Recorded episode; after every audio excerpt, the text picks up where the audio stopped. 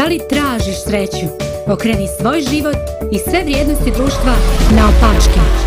I tada ćeš pronaći sreću. Program na opačke. Dobro jutro, dragi gledalci i slušalci Radija Pomirenje. Pozdravljam vas ovog jutra. Radujemo se što ste danas sa nama, što pratite naš program. Nadamo se da ste dobro, da ste zdravo, kao što se nadam da su moje kolege u studiju Zdravko i Milan. Prilično dobro, hvala na pitanju. E, Zdravo.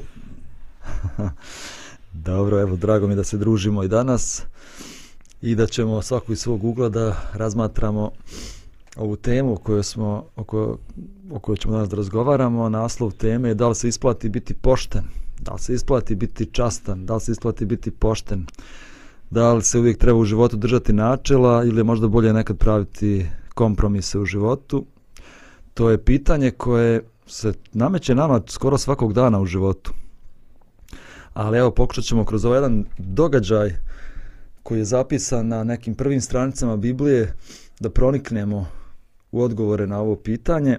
A, juče smo govorili o Jakovu, njegovom sinu Josifu i ostaloj braći, o Jakovu koji je favorizovao jednog sina, koji više voli jednog sina nego druge i, i šta je koje su posljedice bile toga da je da su braća mrzila svog brata toliko su ga mrzili da su ga čak prodali u ropstvo.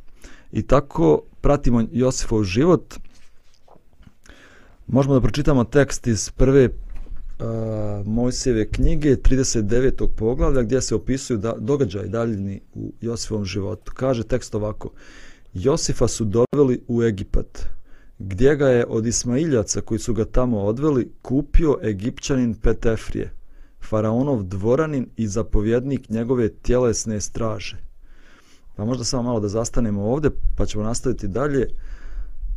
Obično su tada robove kupovali na aukcijama. I čak sam i čitao da su robove skidali gole. Znači, robovi su stajali goli i onda su ljudi nadmetali što je rob bio sposobniji, jači, to je veća bila cijena i onda na aukciji bukvalno se prodavali, ko bi ponudio više, taj bi odveo tog roba kući. A, I eto, možemo da zamislimo i Josifa, a, omiljeni sin svog oca, uživao u slobodi, nije morao puno ni da radi, odjednom rob. U najljepšim šarenim haljinama, sad go na, na pijaci. A sad go na, na ovoj pijaci robova.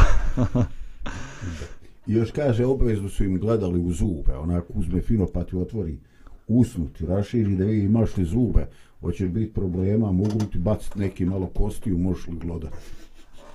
da, da. ovaj, ne, ne znam, kad sad to sve sagledamo, da zanemarimo sad nastavak priče koji mi dobro znamo, kakvi su bili njegovi izgledi da on uopšte bude uspješan u životu, da jednog dana bude slobodan, um, s, kakvim, s kakvom je vjerom gledao u budućnost svog života, šta je mogo da očekuje? Pa misli, pita šta je bilo vjerovatno ili šta, šta je, je bilo vjerovatno, da, da. Šta je on, ovaj, uh, ja ne znam šta je on, čemu se on nadao, ovaj, ali, uh, eto, ja bio toliko drzak da kažem, uh, evo već odma u startu neke stvari djeluju da nisu slučajne. Znači, kupuje ga osoba koja radi na dvoru a na dvoru su ti šanse ili ćeš naći svoje mjesto ili ćeš izgubiti glavu. Znači tamo ne, nećeš vjerovatno sad kupuš čitav život, znači ili ćeš ići gore ili dole. Ovaj, et, već se tu vidi Božja promisa. Ovaj, znači, da, evo, ga... da, da, evo doćemo do sljedeće pitanje baš u vezi toga. Ali da na, nastavimo tekst, kaže Ali gospod je bio sa Josifom, te mu je sve polazilo za rukom. Zato je živio u domu svog gospodara Egipćanina. Njegov gospodar je vidio da je gospod s Josifom i da mu gospod daje uspjeh u svemu što radi. Tako je Josif zadobio njegovu naklonost pa ga je postavio za upravitelja svog doma i povjerio mu svu svoju imovinu. Otkako ga je postavio za nadglednika svog doma i sve svoje imovine, gospod je zbog Josifa blagoslovio Egipćaninov dom. Gospodnji blagoslov je bio nad svim što je Petefrije imao u kući i na polju. Tako je sve što imao prepustio Josifovoj brizi, tako da nije brinuo ni za šta osim za hranu koju je jeo. Ok, zanimljiv izvještaj. Čitamo da je sve bilo suprotno očekivanjima. Da je Josif postao uspješan, da je ovaj njegov gospodar prepoznao njegove sposobnosti, da je vidio da je neka nadprirodna sila ovaj, nad njegovim životom i da Bog blagosilja i njegovu porodicu i njegov dom zbog tog roba Josifa koji se tu nalazio. Pa možda to malo o tome da pričamo. Uh, šta je bila tajna Josifovog uspjeha? Pa ja mislim da se to još ne vidi ovaj, a, ovaj, e, u nekom e, redosledu kontinuiranom čitanja, mislim, e, mi još uvijek ne vidim, makar ja ne vidim ništa ovaj e, konkretno u čemu je ovaj Josip poseban, osim možda u toj nekoj e, iskrenosti koja trenutno djeluje malo budalasto. Ovaj, tako da, e, ne, ne, ne znam šta je, šta je bilo, ovaj, e, znam u stvari, to je bio Boži blagoslov, ali e, šta je tu još, još ovaj bilo, ovaj, ne znam, mislim da će ostatak Josifovog života pokazati te vrline koje je pitaš. Da, ovdje mi, mi ovdje već možemo da vidimo uh, me, izvinjamo se, malo imamo neke te tehničke probleme, ja nemam zvuk u svojim slušalicama.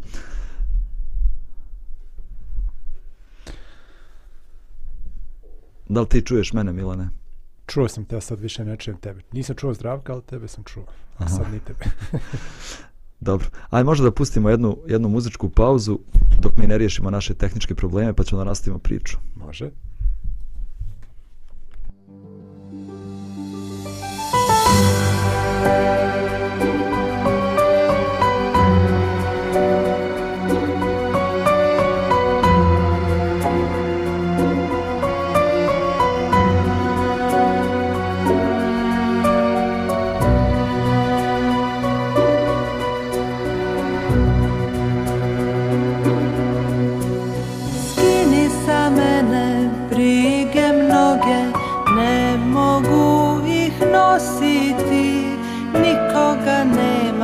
Da pomogne, nemam koga moliti.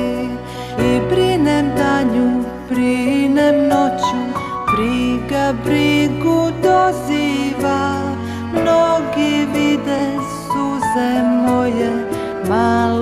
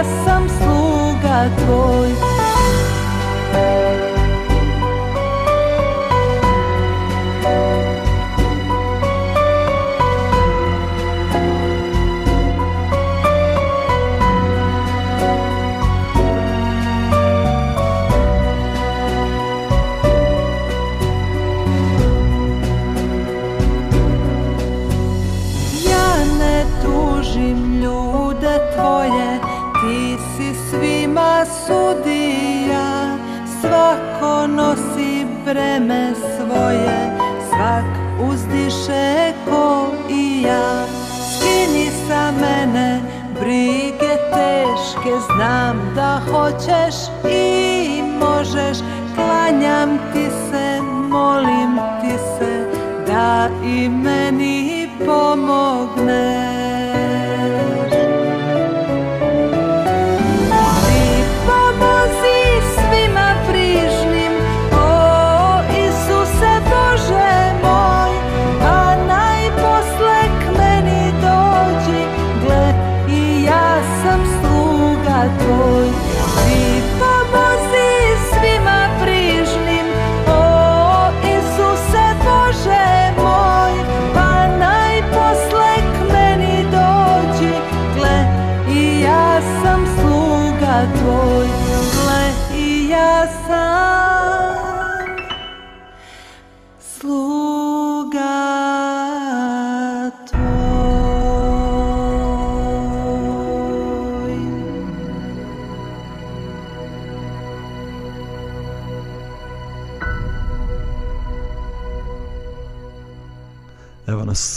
programu.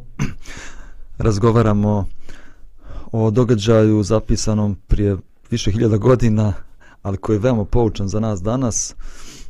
Uh, Josif dolazi na aukciju robova, kupuje ga jedan zaposlenik vladara egipatskog faraona, čitamo da je bio zapovjednik njegove straže i vodi ga svojoj kući. Uh, evo, o tome smo malo počeli da pričamo. Uh, tekst kaže da je Josif bio veoma uspješan, da je ovaj čovjek vidio njegove sposobnosti uh, i da ga je postavio čak nad poslovima, nad čitavim njegovim domom. A sigurno da on nije bio neki, neki siromašan, neugledan čovjek, sigurno je bio veoma bogat, imao je ako je imao Josifa kao slugu, sigurno imao još sluga tu u njegovoj kući i kaže da mu je dao da upravlja svime što ima u njegovoj kući, da nije gledao uopšte ništa od tih poslova kućnih, sve je to prepustio Josifu da Josif vodi sve. Uh, I razgovarali smo malo o tome uh, šta je bila tajna Josifovog uspjeha, pa možda možemo da nastavimo tu temu. Šta je tajna uspjeha našeg života i ako je Boži blagoslov bio tajna njegovog uspjeha, zašto mi to danas zanemarujemo i u kojoj mjeri mi to danas zanemarujemo? Evo, brate, evo, rekao si da ti odgovorim, evo moje plakate, ček, ček da se vidi fino, od emisije od 13 časova. Kaže, dosta ti je moja blagodat, ovaj, on je bio blagosloven. A mi ovaj želimo ovaj da nas eh, ljudi podrže i da imamo veze i živimo u takvom nekoj ovaj u takvom nekom mentalnom ustrojstvu ovaj umjesto da nam bude osnovno ovo da onaj od gore da blagoslovi moj život. Jednostavno promijenjena je paradigma.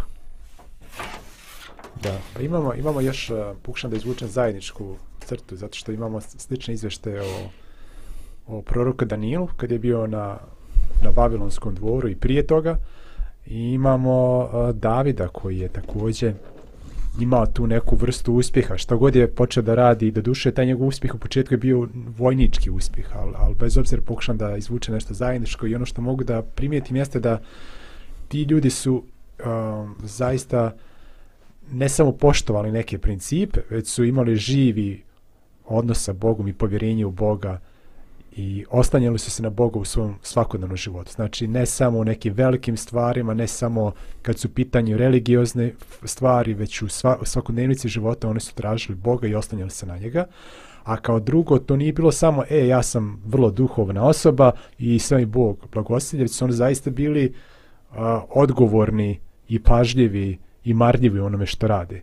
Um, Tako da evo, sjećam se proroka Danila da, da čak i kad su njegovi neprijatelji tražili nešto u njegovom poslu što, što, ne, što, što nije kako treba, nisu mogli da nađu. Ni zanemarivanje dužnosti, ni korupciju, ni bilo šta. Znači, savršeno odgovoran i savršeno pošten u svom poslu je bio. Savršeno, jel? Ovaj, tako da, vjerujem i da Josip bio takav, da je zaista bio marljiv, odgovoran, precizan, pošten, iskren, a, da kad on nešto kaže zaista to tako i bude i da i da nije ništa uzimao nešto lagao uzim, krao za sebe ili govorio da će nešto da uradi onda postoji se sakrije negdje to mislim da je stvarno bio s te strane a, da je sve bilo na mjesto a s druge strane imao još i taj element da je u svoj svakodnevni život u svoje svakodnevne postave čak i tu kad je bio a, rob on, on prizivao Boga da bude sa njim i da, i da mu pomogne. Uh -huh. Ali da to nekako prebacimo na naše živote danas. Evo mi živimo u 21. vijeku. A koliko mi stvarno vjerujemo da uspjeh u našem životu većim dijelom zavisi od Božjeg blagoslova nego našeg rada i truda. I da li vjerujemo da Bog ima ikakve veze sa našim životom i sa uspjehom u životu. Mi radimo, idemo u škole, završavamo fakultete, borimo se da postignemo neki uspjeh, karijeru. Koliko smo svjesni da stvarni uspjeh u životu, u tom našem poslu, u karijeri, zavisi od Božeg blagoslova. A samim tim i od naše odanosti Bogu i vjernosti tim njegovim principima u životu. Ja sam već spomenuo promjenu paradigme ovaj, ima, ima u, u istočnoj teologiji riječ preumljenje. jednostavno naše umovi se e, kroz vrijeme reprogramiraju. E, generacije su različite jedna od drugih. I mi imamo krupne, krupne razlike u doživljavanju prvenstveno onoga što mi zovemo ovaj realnost. E, znači, taj svijet medija, e, reklame, promocije onoga što jesmo i što smo uradili je toliko izvršio utjecaj na svakodnevni život da mi smatramo da kad i uradimo nešto pozitivno, ovaj, da mi to moramo učiniti vidljivim, da mi to moramo promovisati, jer ako mi to ne, provi, ne, ovaj, ne promovišemo, ono, prosuto mlijeko, uzalud vam trud svirači. Ovaj, e, tako da, e, umjesto da čovjek osjeća radost ovaj, e, u, u Bogu, ako je nešto bilo dobro, mi smo jednostavno, eto kažem, e, imperativ vremena je E, da mi nekako osjećamo da mi e, ako je nešto krenulo dobro, ako je nešto u redu, da to ovaj e, da mi to i kažemo, da mi to upoznamo druge, jer ako mi to ne kažemo, kao to neće biti cijenjeno ili nagrađeno. I, I bojim se da je to ono ovaj činiš radi čovjeka ili činiš radi Boga.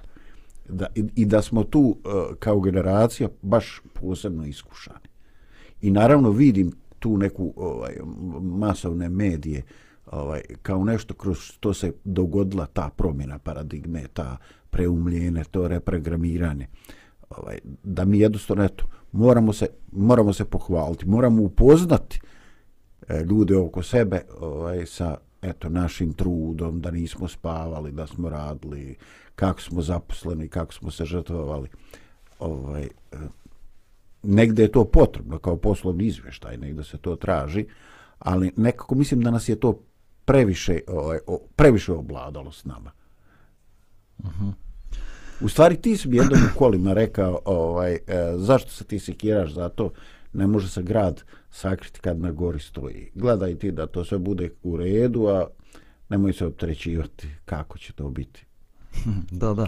Pa smo malo pričali kako mi zanemarujemo našu djecu, zato što smo zato što smo opterećeni Uh, zato što smo opterećeni nekim našim uspjehom u životu, borimo se, radimo, a zaboravljamo u stvari da, da uspjeh dolazi kroz Boži blagoslov. Ja mogu ispričati nekoliko primjera iz svog života. Možda i bilo je primjera i kad sam lupo glavom zato što nisam čekao Boži blagoslov, nego sam sam želio da nekako ja dođem do uspjeha, rješenja nekih problema i tako dalje, ali u nekim situacijama sam stvarno vidio da čovjek treba da stvarno da se prepusti, daš sve od sebe, ali kad najđe neka poteškoća, prepusti to Bogu, Bog će to da riješi. Kad sam bio u Sarajevu, tada smo pokrenuli veliki projekat Let's Do It, bio je plan da u jednom danu u svim gradovima u Bosni i Hercegovini se čiste divlje deponije smeća. I sve to fantastično izgledalo, federalno ministarstvo za okoliš nam obećalo financije, da će oni se pobrinuti da svi volonteri dobiju vreće, rukavice, čak i osvježenje, rekli su e, sokove. Mjesec dana do akcije oni ne ispunjavaju svoje obećanje. Ja svaki dan idem tamo u njihovu kancelariju, dosađujem, pa izbjegavaju me jednostavno. Vidiš da vrdaju, vidiš da, ne, da neće od toga ništa biti. Ja baš ono iznerviran, kako će to sve da bude... I stvarno izgleda kao da se ništa, da, da to neće se dogoditi i jednostavno sve će propasti. I nekako ja se pomolim Bogu i Bog mi da neko, s neku sigurnost i kaže nemoj da brineš, sve će biti u redu, iako izgleda da nema ništa od toga. I onda stvarno se dogodi čudo.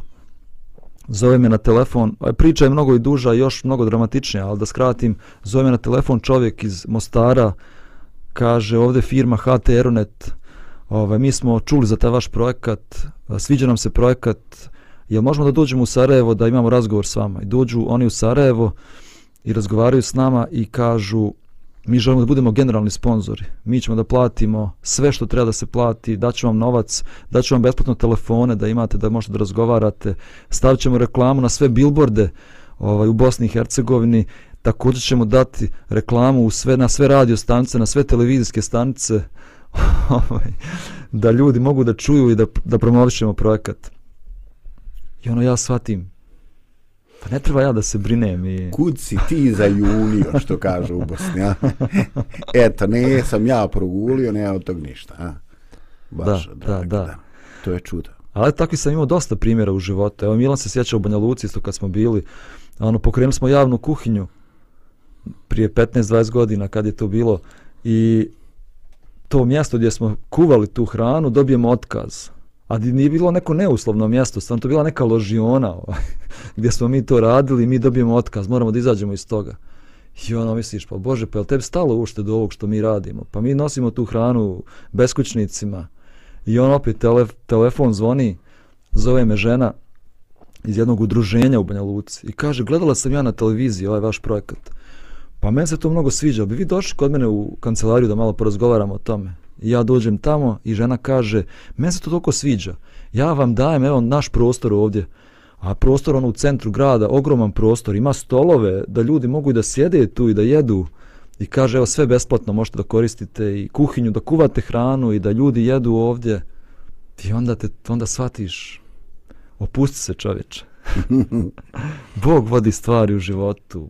Uspjeh zavisi od Božjeg blagoslova, a ne od tvoje pameti, tvoje sposobnosti.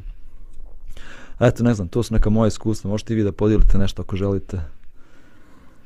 Pa ne znam, ono, e, sad je ovo čitavo baš, baš za, za jednu čitavu temu da se razmišlja o tome. Definitivno kad recimo, prvo, bi, prvo da kažem da, da su bitni ti principi na, na osnovu kojih radimo. Tako, kad recimo čitamo priče ili izreke Solomonove, tamo ima dosta tih stvari.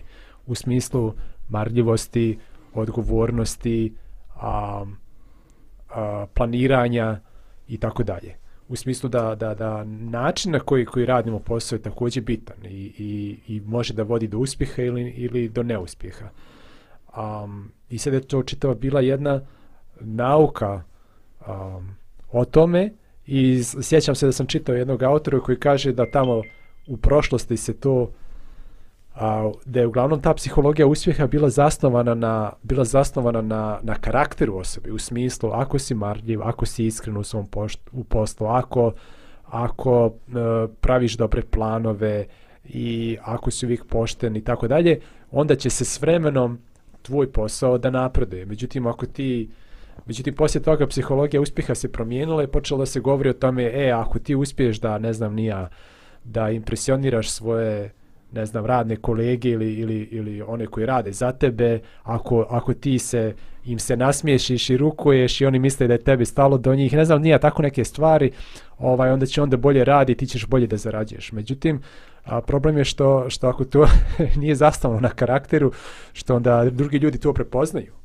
On prepoznaju da, da ne znam, da nisi pošten ili da nisi iskren ili da se pretvaraš da ti je stalo do njihove porodice, a nije i tako dalje i da to u principu propadne, uh, da, da je samo da je vrlo kratko, kratko trajno to, taj neki uspjeh, da tako kažem. Međutim, kad, se, kad je pitanju taj, taj uh, poseban Boži blagoslov, da kaže nekakav nadprirodni, nadprirodni element u tome, to zaista, a, mislim da treba da, da, da se to odnosi na ljude koji zaista a, njeguju, ha, ne mogu sad da kažem, ali, ali mislim da, da to mogu da primite životmu ljudi koji se redovno moli Bogu, ajde tako kažem. Da, da nisam siguran koliko se to baš dešava pa, ne znam nija, možda se i dešava.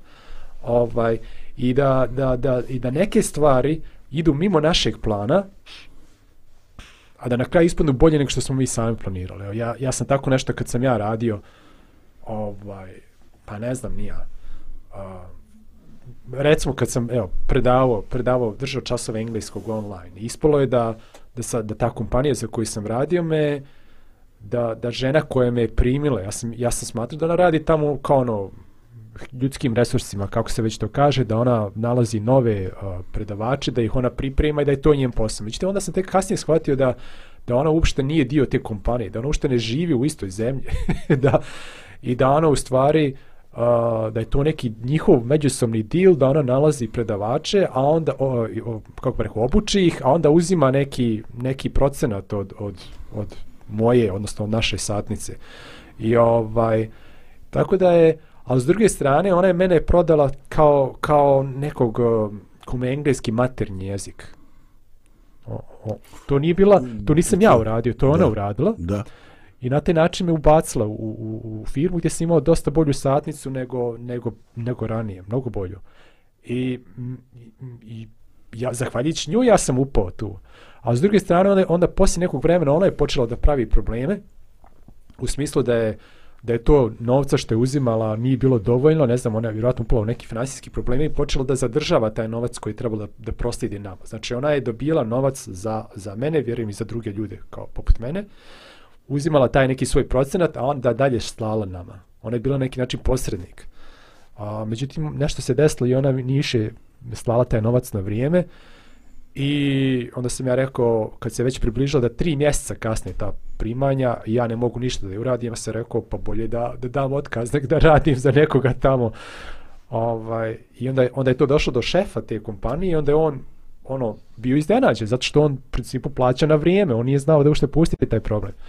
I uglavnom taj problem se nekako riješio tako što je um, što je ona izašla iz, iz, iz te igre, ja kad sam re- rekao dajem otkaz, dobro, nemoj, do, i kad sam rekao opraštam ti taj novac što mi duguješ, ali ja neću više da radim, onda je ona rekla, ok, ajde ja te povežem sa, sa šefom da ti direktno za njega radiš, ovaj, ipak si ti dobar, dobar nastavnik i to. I u principu ona je tako mene uspjela da ubaci u firmu, a onda je ona kao posrednik izašla iz toga. I onda, s obzirom da nije uzimala svoj procenat, moja, moja, moja plata je opet skočila na neki način. Pa onda, a, pošto ta firma nije bila tako striktna da uglavnom te firme um, spriječavaju da imaš lične kontakte sa, sa djecom, odnosno sa roditeljima djece, u ovoj firmi to uopšte nije bilo tako striktno. I onda jednog dana kad su oni, kad je taj njihov biznis propao, ja sam imao, pa nisam baš imao sve, ali recimo da sam imao, imao većinu kontakata tih roditelja.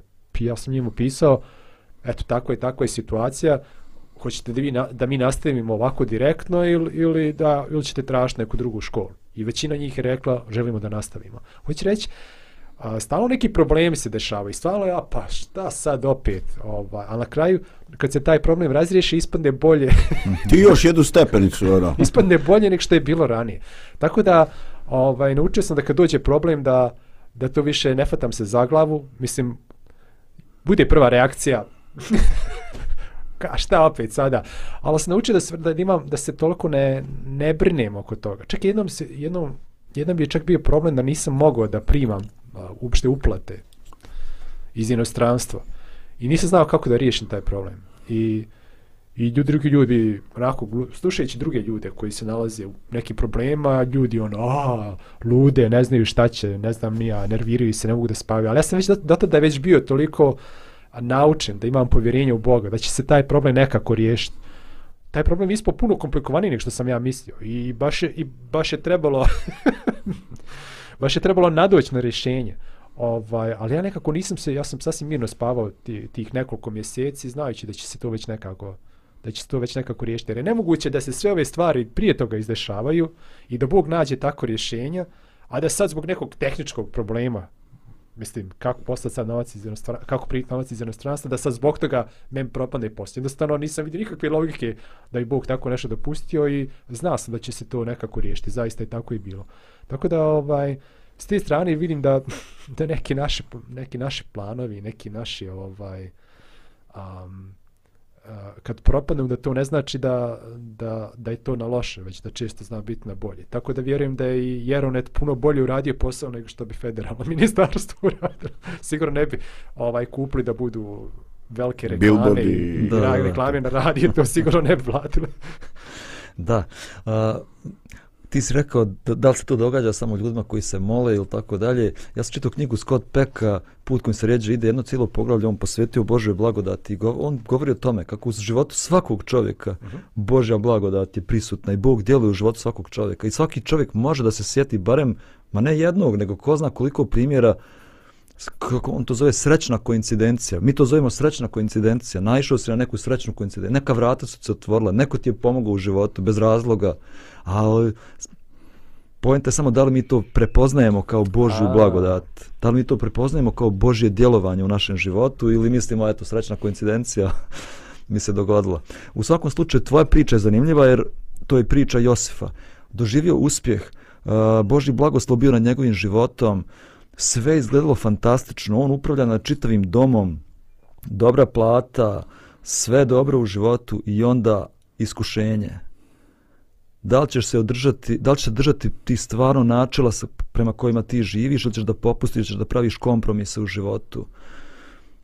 A, ali evo, prije nego što to pročitamo i razgovaramo o tome, možemo napraviti opet jednu malu pauzu, pa ćemo nastaviti. Može.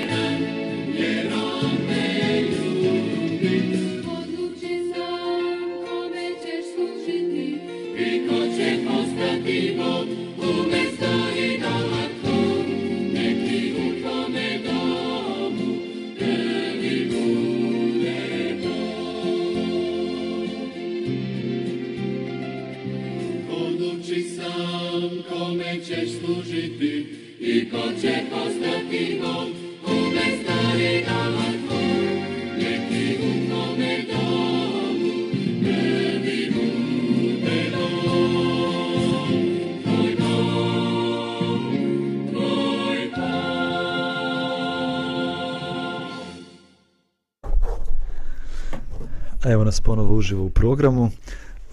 A, nastavljamo naš razgovor o tome da li se isplati biti pošten, da li se isplati biti častan.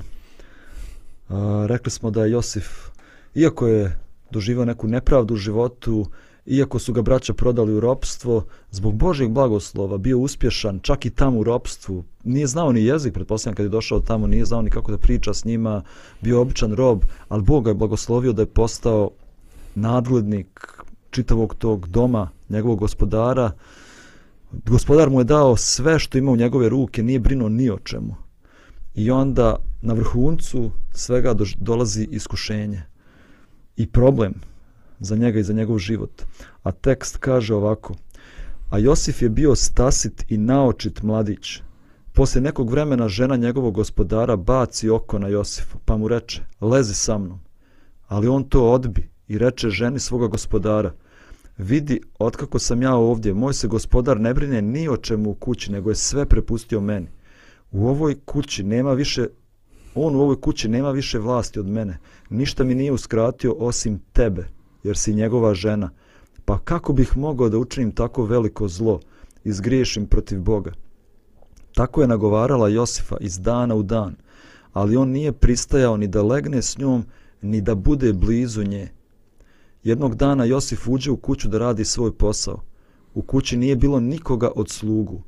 Ona tada zgrabi njegov ogrtač i reče mu, lezi sa mnom.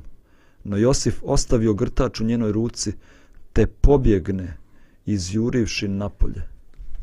I ne moramo da čitamo dalje a, događaj, ali možemo da pretpostavimo šta se dogodilo. Kad je ova žena to vidjela, a, toliko je bila bijesna što je, što je Josif odbio, da je izmislila čitavu priču, optužila ga je kod svog muža, da je Josif pokušao da je siluje zato što imala njegov grtač u ruci, rekla da je on ušao unutra, da je htio da je siluje i njegov gospodar baca Josifa u tamnicu i opet postaje rob u tamnici. Pa ćemo sutra možda malo više govoriti o toj njegovoj tamnici, i kako se to dogodilo i zašto se dogodilo, ali evo možda sad da malo porazgovaram o ovom iskušenju koje je snašlo Josifa. Zašto je to bilo teško iskušenje za njega? Šta mislite? Pa, pitanje je da li je on kao prvo kao rob ikada mogao da sanja ili da, da razmišlja o tome da jednog dana ima svoju ženu i da ima da bude u nekoj emotivnoj vezi sa nekom ženom možda ako bi njegov gospodar tako odlučio da, da ali u principu nije, nije nešto o čemu je on mogao da sanja i mašta, na, naravno da svaka čo, osoba ima svaka, eto, gotovo svaka osoba ima potrebu ili želju da da ima neku osobu u svom životu da i da ajde konačno i, i da kažem da ima tu neku i, i seksualnu intimnost, da tako kažem. Ako, ništa, ako ne baš cijeli paket, onda makar eto to. Međutim, eh, uh, Josif um, i to je za njega bilo iskušenje zato što s jedne strane s druge strane to ima i nekakav um, kako bih rekao to na neki način mnogi ljudi se upuštaju u neke afere zbog toga, ne samo zbog, zbog seksualnog zadovoljstva, već i zbog toga što na neki način to potvrđuje njihovu vrijednost, da ih neko želi, da su poželjni, hajde tako kažem, i da um, i vjerovatno je to bilo laskavo Josifu da, da, da ova žena uh, želi da bude s njim. Međutim, s druge strane, to je potpuno išlo proti njegovog pogleda na svijet i, i, i onoga što je, što je još kao mali u, u domu svoga oca naučio o, o Bogu i, i, i šta on očekuje od nas. I, I to je znači da se odrekne svega onoga što on jeste kao osoba. I, i trebalo je da se da okrene leđa Bogu da bi, da bi imao to, a on nije očigledno bio spreman, spreman na to. Pa ja vidim recimo u Josipovom odgovoru da on potpuno razdvaja dva aspekta toga problema ili te ponude, ako se tako. E, jedna ponuda je e, gdje on e, postavlja moralnu dilemu taj čovjek mene prihvata ja bi ga izdao na neki način zabio bi mu nož u leđa jer taj čovjek je učinio mnogo ovaj u mome životu dakle e, stavio me u poziciju da, da raspolože s određenom moći mogućnostima i, i, i samim tim e, sve blagodati, e, sav komfort toga doma njemu je bio na raspolaganju, jer čim je odlučivao svemu tome. Znači, ništa mu nije falilo, ovaj, on je ovaj e, jasno prepoznavao da ima nešto što lično pripada tom gazdi i meni je smiješno kad kaže tu na jednom mjestu da gazda se nije o čemu više nije ovaj, e, brinuo osim ovaj, o, o, o hrani, šta bi jeo. Pa ovaj, zamišljam da sjedi, da ovaj, e, šta ja znam, pijucka, nešto, i kaže, eto, danas zovem korpu ili glove ili kako se kaže, da, da vidimo šta ćemo danas do, jest. Jednostavno čovjek, ono, bolje da se ja tu ne miješam sve ide i tako, prepustio se nekom tom životu. A drugi aspekt, to, e, znači, e, Josip kaže, moja, moja socijalna ovaj, društvena pozicija je bitno promjenjena zahvaljujući povjerenju tog čovjeka i ja sad treba da ga izdam. A s druge strane, on ovaj potpuno na istoj ravni paralelno s tim kaže, a kako bi Bog uskriješio. Dakle, ovaj, e, dvije stvari čuvaju čovjeka. Jedan je taj e, obzir prema nekom ko ti je uradio dobro, ovaj a drugi je drugi još moćniji od toga je ovaj e, obzir e, prema nečemu što što na neki način bi bila prepreka između tebe i tvoga Boga. Da, ali ja hoću da kažem da ovo iskušenje je bilo mnogo teže nego što ovako na prvi pogled izgleda. Jedna je stvar, jedna je stvar sada tebe neka žena želi da te zavede nekog tvog prijatelja, neko ko ti znači u životu i ti nju odbiješ. A potpuno druga stvar ovdje bila. Ti sada želiš da ukažeš poštovanje tom čovjeku, da njega zaštitiš, ali samim tim sebe ne štitiš. Samim tim ti znaš da ti neće dobro završiti. Znači on je znao da je ovo uticajna žena i znao je. Prvo on je rob. Nema pravo da on razmišlja šta da radi, njemu se naređuje. On treba da bude poslušan. Ako posluša ovu ženu, postaće mu ona saveznik to je za njega lično će imati neke koristi od toga. Znači ona će da mu bude saveznik u, njeg, u toj kući, njegov položaj će biti još bolji u toj kući. ona A... može da, da da kažem, da govori u njegovu korist kod muža, aj ti daj Josifu i ovo i ono, vidiš kako je on dobar, kako je vrijedan i može Josif još dobije da je veće povlastice nego što je imao. Sigurno.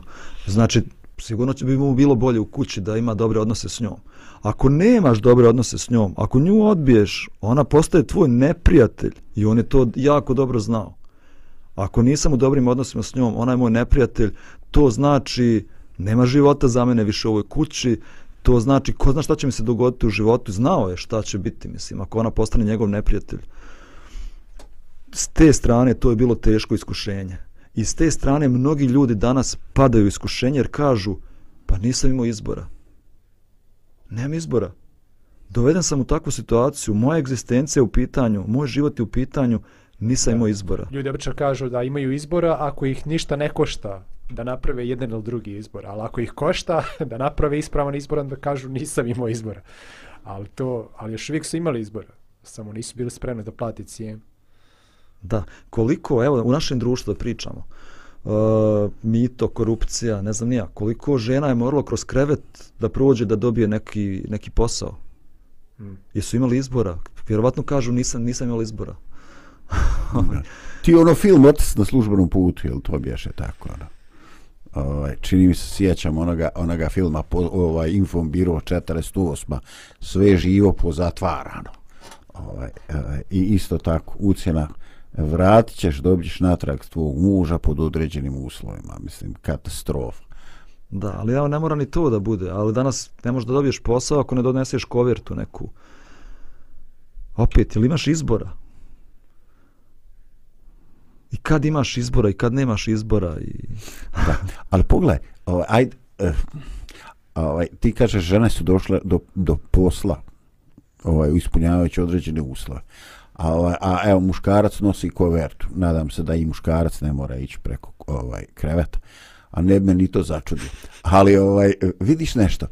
E, to više nije samo pojedinačni problem. Znači, društvo je došlo u situaciju ovaj, kad je e, kad e, postoji više ljudi koji su spremni donijeti kovertu. Dakle, to nije samo jedan egoista koji nešto hoće. To je otvoren konkurs, mislim, neformalni konkurs, ali ovaj, to je postalo nešto što je e, se podrazumijeva. Znači, e, jednostavno, o, okruženje, okruženje je takvo i sad, ovaj, e, šta ti sad možeš otići i reći, slušaj, ja ću tebi da bude vjeran i gajiću plementa i pozitivna osjećanja. A on pita, a kako ću ja to da pretvorim u euriće? Ili ovaj, šta je, za tvoje hvala, šta ja se mogu kupiti? Mislim, e, stvarno, aj budemo realni. E, jedno je teoretski moral, a drugo je, ovaj, ljudi su pritisnuti egzistencijom, ovo i ono, ovaj, i ne znam. Ovaj, ja se bi se baš bojao danas da osudim ovaj, čovjeka koji mora plaćati račune, plati djecu u školu, ako na ne, ovaj, ako razmišlja ko je šta je sve spreman da uradi da bi došao do nekog radnog mjesta. Stvarno je teško. Kažem, teoretsko, teoretsko je sve u redu. Da, da, ali nije poenta osuđivanja. Nikog mi ne osuđujemo. Pa mi smo ti ljudi. Mi to radimo svaki dan. Poenta je samo da vidimo šta će imati više koristi za moj život. Trenutno popuštanje načelima, kršenje načela zbog nekog kompromisa koji moram da uradim, da bi dobio posao, da bi uspio negdje, da bi moja žena se porodila, eto znam, moj otac je morao da potplati tamo, donese kovertu da se da mi se žena porodi, znači. To sve teške stvari. To nisu jednostavne stvari. Ili ću imati više koristi ako ne popustim iskušenju i ako se održim, budem vjeran svojim načelima. Možda ću na duge staze imati više koristi nego na na, na kratke staze. Možda ću na kratke staze imati više koristi ako popustim. A možda na duge staze ću imati više koristi, više uspjeha u životu, više Božeg blagoslova ako ne popustim. To je, to je jedino pitanje koje mi treba sebi da postavimo svakog dana kad naiđemo na ovakve iskušenja. Hmm. Mislim da da to da to uh, opet možda sam ja pristran, ali mislim da to opet teško ide bez, bez povjerenja u Boga. Da je Bog taj koji daje čovjeku uspjeh u životu i koji obezbeđuje, koji se brine za čovjeka i njegove potrebe i da, je na du, i da ako budem postupao onako kako je Božja volja, a, Bog može više da me blagoslovi u mom životu nego ako posježem za, ne znam, nija, nekim nepoštenim načinima rada i poslovanja, ili šta ja znam. A, I u tom smislu, što čovjek ima više povjerenja u Boga, to je, to je spremni da se odopre iskušenjima, da radi neke kratkotrajne koristi ili zadovoljstva ovaj, žrtve načela. I, i, i, tu, i tu vidimo direktnu vezu između duhovnosti i moralnosti. Znate, mnogi ljudi kažu ja sam duhovna osoba, a to se baš ne vidi u moralnim izborima koje ta osoba pravi, ali ovdje tu, tu se vidi ta direktna veza. Da ako, hoće, da ako osoba hoće da zadrži svoju duhovnost, odnos, kroz svoj odnos sa Bogom, onda mora da zadrži određeni nivo, uh, vis, viši, obično viši nivo moralnosti u, u, u svojim izborima koje pravi. Da. Ovaj, evo, ja se baš iskreno ovaj, imam, imam malu muku. Znači, ovdje imamo potpuno dva različita principa. Imamo ovaj, da sačuvam dobar odnos s svojom šefom s tim što ću biti blizak s njegovom ženom. Ovaj, to je ovaj, baš jedan ekstrem. Ovaj, I e, tu vjero, ovaj, rizik je veliki, ali ne znači da toga rizika ne bi bilo i da je on popustio. Možda bi dosadio nakon kratkog vremena i opet bi ga pustila kroz led. Znači on je jednostavno postao, bio bi u njenoj e, nemilosti potpuno, a ne bi mogao očekivati Božju intervenciju i zaštitu. Znači tu je, ajde da kažem, tu je stvar do, ovaj, jasna. Ali ovaj, ovaj drugi slučaj koji si ti Božo spomenuo, znači mogu s tim moralisati divce svom moralnom liku. Ali ja sad zamišljam recimo Natašu koja dva dana muči se tamo u porođaju. I onda tvoj e, otac pokojni dođe i kaže, e ovaj, nek se moj sin osjeća moralno, ali ja ću im spremiti tu kovertu da se moja snaha riješi te bijede i da te bebe, moji unučad, dođu kući.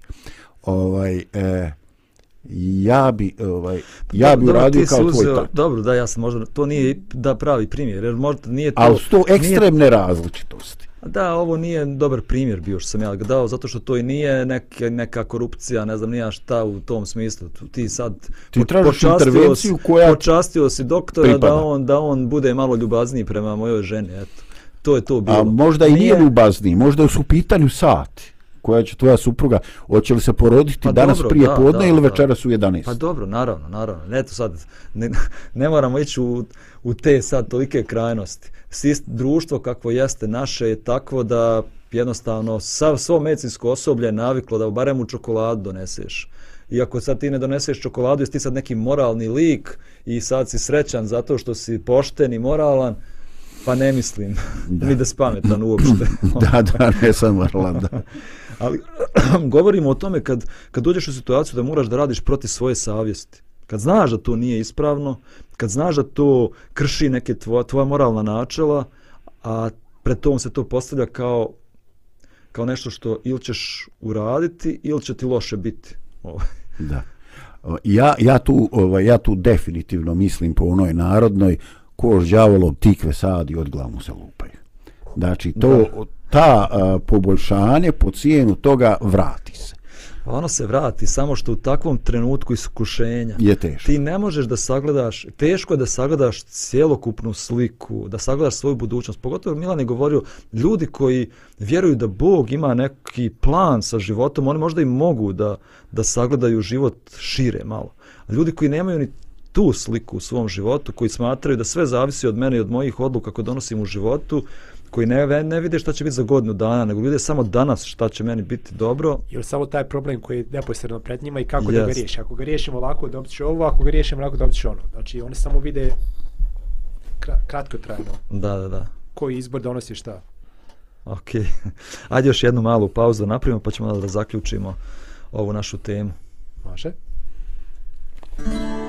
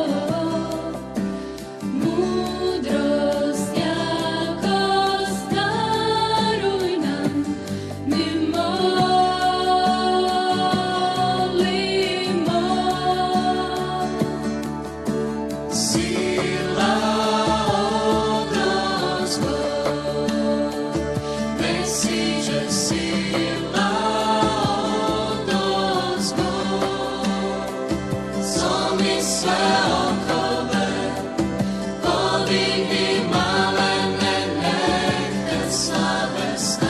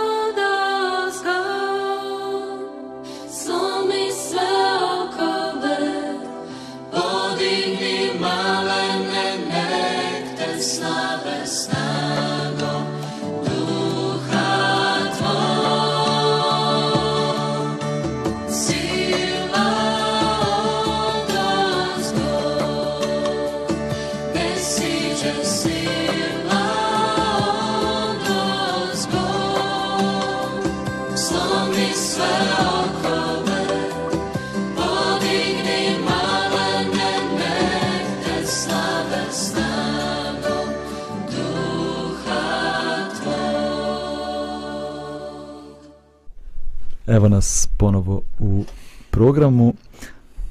Evo pokušat ćemo da zaključimo ovu priču o Josifu, da li se isplati biti pošten, da li se isplati biti častan ili možda nekad treba napraviti neki kompromis sa načelima. Pa u njegovom životu definitivno možemo da vidimo da se isplati biti pošten i častan. Da je Josif popustio ovom iskušenju, možda bi mu to bilo kratkotrajno bolje u njegovom životu, možda bi mu to donijelo neke koristi u toj porodici gdje radio, ali sigurno Josif nikad ne bi postao premijer egipatske vlade, sigurno Josif nikada ne bi imao svoju porodicu, Josif nikada ne bi vidio svoju braću, nikada ne bi vidio svog oca. Mi nismo svjesni šta mi žrtvujemo kada um, radimo nasuprot našim načelima i kad pravimo kompromis u životu. Ja vjerujem da Bog ima plan za svakog čovjeka u životu, ali da taj plan zavisi od naše odanosti Bogu i njegovim načelima. Mi često žrtvujemo taj cjelokupni Božji plan u životu zbog nekog kratkotrajnog zadovoljstva ili kratkotrajne koristi koju imam u životu. I onda sam zadovoljan, riješio sam problem, a u stvari sam upropastio svoj život. I jednostavno Bog više nije u mogućnosti da ostvari plan koji je imao sa mnom. Ne znam šta mislite o tome. Pa evo možda ovaj, da, da još malo uđemo u tu situaciju sa Josifom konkretno. A, neki ljudi smatraju zanimljivim to što, što ga njegov gospodar nije dao da se ubije, već ga je dao u to- tamnicu. I neki u tome vide da on možda i nije baš ni bio siguran da li je to istina što mu je njegova žena rekla. U smislu da je on poznavao Josifa, kaka, kakav je čovjek, a vjerovatno je i nešto naslučivao svoje žene, ako je nije baš potpuno poznavao. I da, da možda ta činjenica što je on završio u tamnici, a ne izgubio glavu, govori da možda ipak njegov gospodar nije to vjerovao. A sad, a, mogućnost, da, kratko je trebalo bi Josifu bilo bolje, ali koliko bi on bio u stanju vremenski da, da sakrije takvu jednu aferu sa njegovom ženom? I šta bi bilo, teško je zamisliti da bi to mogao da, da radi još 10 godina, pa 20 godina. Da, da A to... dosadio bi on ovoj kučki. Pa dobro, ali hoće reći čak i naknadno, čak i naknadno je moguće da, da, da gospodar sazna. I šta bi onda bilo? Ne, ili možda da ga uhvati na djelo. U tom slučaju bi Josef izgubio život. znači, prvo to. Znači, možda je bilo bolje Da. ovako da bude optužen, nego da bude nego da ovaj bude siguran da pa bi Da. Druga stvar jeste što, što, jeste u tom, u tom slučaju ovaj, to što si ti Bože rekao, da, on bi bio neki tu, ajde kažem, nadglednik na imanju, recimo da bi ostao tako u jednoj, ali on bi dalje bio rob. on bi da- dalje bio rob, on nikad ne bi bio ništa više od roba. A ovdje je uh, slijedom događaja koji, je, koji, je, koji se desio, on bio potpuno slobodan čovjek. I ne samo slobodan čovjek, već je bio i, a, da kažem, druga najvažnija osoba u, u, u državi. Što je daleko bolje od, od nekog nadglednika imanja. A u tom trenutku on to nije mogao da vidi. Da, a ovaj, e, Božo je već to spomenuo. Ovaj, pogledaj, znači postoji čitav slijed onoga što se dešava po Božjem proviđenju. Dakle, e, on ide na višu poziciju, što je u ovom slučaju samo sredstvo. Apsolutno nije glavna dobit. A, glavna dobit što će to promijeniti potpuno sudbinu njegove porodice. Tako je, Što će on se sa, uh, sresti ponovo braću. Što će se on izmiriti s braćom. Što će braća dobiti dar pokajanja i plakati. Što će doživjeti da st- najstariji brat nudi sebe da ostane kao rob, jer ako se najmlađi, tad najmlađi ne vrati, otac će umrijeti. Znači, čitav niz tih e, E, dramatuški teških situacija u kome se ljudski lik obnavlja u njegovoj braći. I on će vidjeti svoga oca. I oni će e, spasti porodicu u to doba u to doba gladi i odpočeti neku sasvim novu eru u životu egzistenciji toga naroda. E, dakle, u tome kontekstu ovaj, ovo sve posve, posve drugačiju težinu dobija. Ove, dobro, hvala vam. E, Vrijeme je da privedemo našu emisiju kraju, ali nastavit ćemo mi priču o Josifu, tako da sve ovo što još nismo rekli možemo da kažemo i sutra. Zanimljiv je nastavak ove priče. U svakom slučaju možemo da zaključimo da je, kao što si ti rekao Zdravko, da je Bog imao plan sa njegovim životom, proviđenje i plan sa njegovim životom, ali da je na tom putu bilo dosta testova, ja bih rekao, za Josifa Klipova. koje je on morao da položi da bi se taj plan ostvario.